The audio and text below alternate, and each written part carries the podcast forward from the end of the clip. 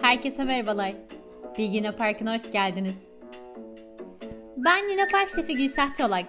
Bugün Luna Park'ta konuğumuz amcam Marshall Rosenberg. Keşke olsa da konuşsa. Şimdi e, Marshall amcamın kitabını okuduğumdan bahsetmiştim. Şiddetsiz iletişim bir yaşam dili. Bu kitabı tekrar tekrar tavsiye ediyorum ama bu kitap daha önce de söylediğim gibi gerçekten zor anlaması, uygulaması pratikle olacak olan bir kitap. Ama bu kitapta şöyle bir şeyi çok sevdim. Ee, David Burns amcam da biliyorsunuz e, malımelilerden bahsetmişti. Oradan size söylemiştim. E, malımeli kullanmak bir düşünce hatasıdır. Onu düzeltmemiz lazım, yakalamamız lazım diye. Marshall amcam da diyor ki malımeli bir iletişim hatasıdır. Yani sen malımeliyi seçiyoruma değiştirmen gerekiyor. Çünkü sen malımeli kullandığın zaman ortaya bir mecburiyet çıkıyor ve sen senin sahip olduğun gücün dışında başka güçler tarafından yönetiliyormuşçasına tepki veriyorsun. Yani sen spor yapmalıyım, sağlıklı beslenmeliyim, onu aramalıyım gibi malımeli cümleleri kurduğunda aslında bir şey yapmaktan keyif almayıp sürüne sürüne işte sadece mecburiyetten işte yapıyor gibi davranıyorsun. Böylece de direnç çıkıyor. Yani spor yapmalıyım, spor yapmalıyım, spor yapmalıyım. Sanki biri seni senin dışında bir güç seni bir şeye zorluyormuş gibi vücudun daha fazla direnç veriyor aslında. Peki ne yaparız diyor Marshall amcam. Diyor ki mecburumu seçiyorum'a çevirmek için 3 adım var diyor. Öncelikle birinci adım otur bir kağıt kalem al. Sür, bütün bu malım elilerini yaz. Yani onu aramalıyım, spor yapmalıyım, yemek yemeliyim, sağlıklı beslenmeliyim. İşte arkadaşımla buluşmalıyım. Yani bütün bunları malımeli, malımeli, malımeli yaz bunları. Yanında da boşluk bırak. Sonra ikinci adımdaysa bunları yaptığımı seçiyorum olarak al. Yani şöyle bir, birinci de yazdın işte bunlar malımeliler malımeliler. Sonrasında da şöyle ben nokta nokta nokta yapmayı seçiyorum. Çünkü nokta nokta noktayı istiyorum. Yani mesela örnek vereyim. İşte spor yapmalıyım. Bunu yanına şunu yaz. Ben spor yapmayı seçiyorum. Çünkü fit görünmek istiyorum. Şimdi burada önemli iki şey var. Sen gerçekten spor yapmayı sevmiyorsan ama senin için fit görünmek önemliyse belki de spor yapmak yerine yürüyüş yapmak istiyorum ha geçebilirsin. Yani aslında sana malı meli olan şeyi değiştirebilirsin. Yani bunu kitapta şöyle örnek vermiş. Rapor yazmaktan bahsetmiş. E, raporları yazmayı sevmiyor ve bunu sürekli malı meli olarak kullandığından bahsetmiş ve sonrasında da şunu bulmuş. İşte rapor yazmayı seçiyorum çünkü para kazanmak istiyorum. Sonra da demiş ki ben o zaman başka bir şeyden de para kazanabilirim.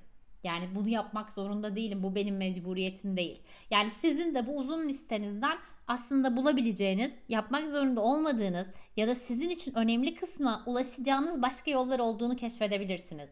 Yani işte başka bir örnek yapayım. İşte arkadaşımı aramalıyım, arkadaşımı aramalıyım. Bunu çok duyuyorum ben. İnsanlar böyle birini aramayı mecburiyet olarak görüyorlar.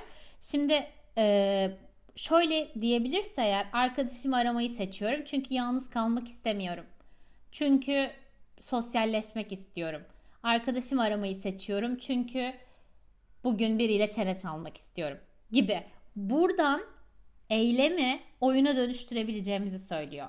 Yani sen bir şeyi zorluk, e, zahmet, işte mecburiyetten değil de çünkü nokta nokta nokta nokta istediğin için yaptığını fark ettiğinde aslında kendine karşı da daha şefkatli ve şiddetsiz bir iletişim kuruyorsun. Sonrasında e, bu devam ettiğinde Marshall amcam şöyle demiş. Yani bu şeylerin altında aslında maddelerin altında ölçülü motivasyonlara baktığımızda negatif olan birkaç motivasyon çıkabilir demiş. Bu para için olabilir, onay için olabilir, cezadan kurtulmak için, utançtan kaçınmak için, suçluluktan kaçınmak için. Bunlar ve bir sonraki de görev bilinciyle bunlar e, bizi motive eden negatif şeyler olabilir. Ama bu da yaptığımız şeyde bizim keyfimizi ve oyunumuzu bitirir. Yani Marshall amcam tam bir bilginle parkçısı olarak diyor ki Luna Park'ta oyun oynamak için Malımellileri seçiyorum'a, istiyorum'a. Çünkü ben bunu istiyorum'a dönüştürün. Hayatınız Luna Park olsun.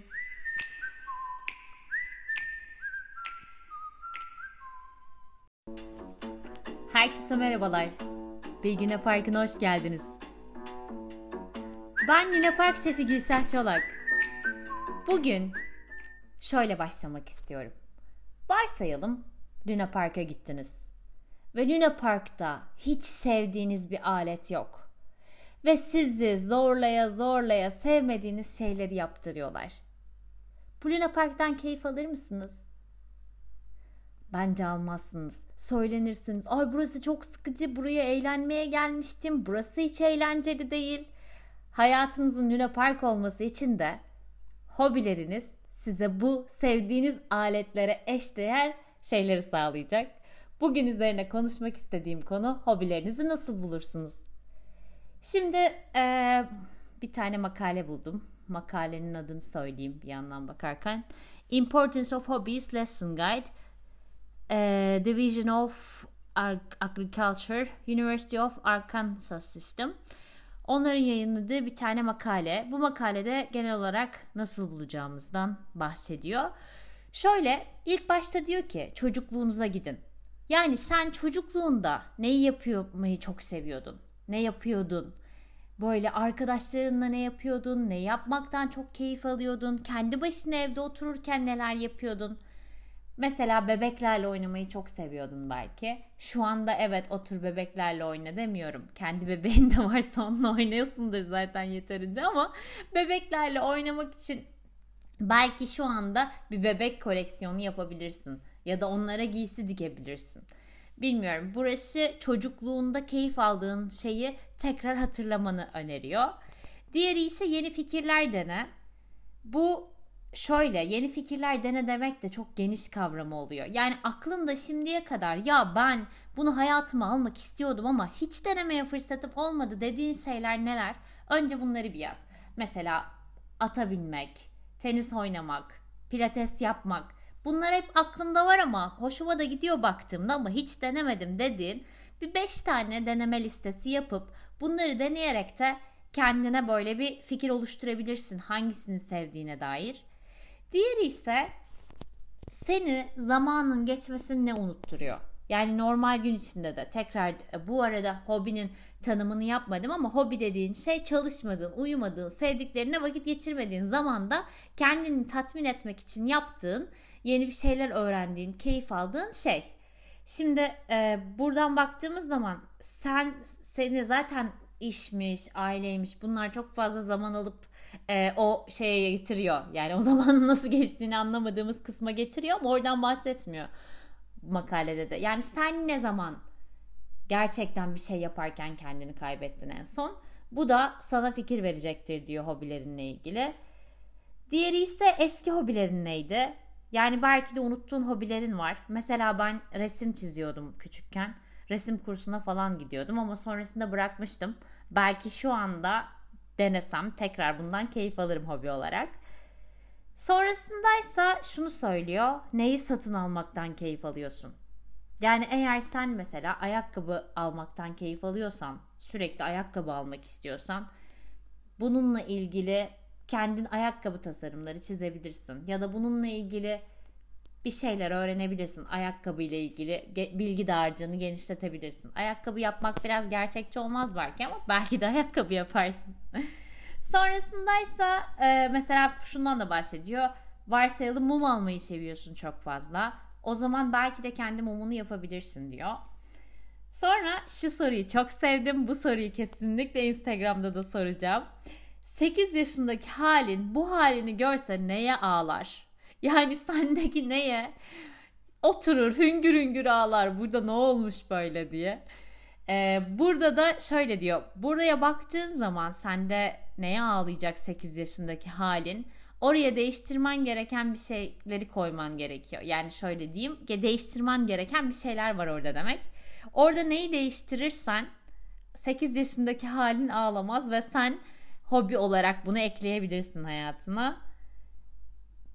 Bir tane daha var ama en son ne seni yemek yemeyi unutturdu? Yine aynı şekilde bu üçüncü maddeye benziyor bence. Yani sen ne yaparken yemek yemeyi unuttun. Hani mesela ben e, Canva'da dizayn yaparken yemek yemeyi unutabiliyorum. Ya da Photoshop'ta bir şeyler yaparken gerçekten unutabiliyorum bunu. Böyle şeyler. Yani sen bir şey yaparken o sırada unutuyorsun ama bu işle alakalı bir şey değil. Yani senin sevdiğin bir şeyle alakalı olması gerekiyor. Tabii şurada benim eklemek istediğim, bu makaleye eklemek istediğim şeyler var. Bunu e, internetten bulabilirsiniz. Değerler listesi. Daha önce yaptığım podcastları da gidebilirsiniz. Kendi değerlerinizi belirlediğiniz zaman, ilk 5 en önemli değerinizi belirlediğiniz zaman aslında yaptığınız şeyleri bunlarla uyumlu hale getirirseniz buna karşı sevginiz artıyor. Yani mesela benim işte ilk 5 hobim neşe, rahat bir yaşam, hobim değil. İlk 5 değerim neşe, rahat bir yaşam, saygı, fayda sağlamak, keyif. Şimdi e, mesela Instagram'da bir şeyler paylaştığımda fayda sağladığımı düşünüyorum. Ya da podcast yaptığımda fayda sağladığımı düşünüyorum. Bu da benim için bir hobiye dönüşüyor. Yani podcast yapmak benim için bir hobi. O yüzden de buradaki ve neşe ve saygı, saygıyı bunu kapsamıyor ama rahat bir yaşamı da kapsamıyor ama keyif, neşe ve fayda sağlamayı kapsıyor mesela. Bu sizin değerlerinizi kapsaması da çok önemli. Çünkü o zaman sizinle uyuşmuş şeyi bulmuş oluyorsunuz. Yani bunu başka nasıl örnek veririm? Benden başka mesela eğer sizin değerlerinizden biri özgürlükse ve belki yamaç paraşütü sizin için çok güzel bir hobi olacak. Çünkü oradaki o özgürlüğü hissedeceksiniz. Bugünlük bu kadar. Umarım hobinizi çok rahat bir şekilde bulursunuz. Hayatınız Luna Park olsun.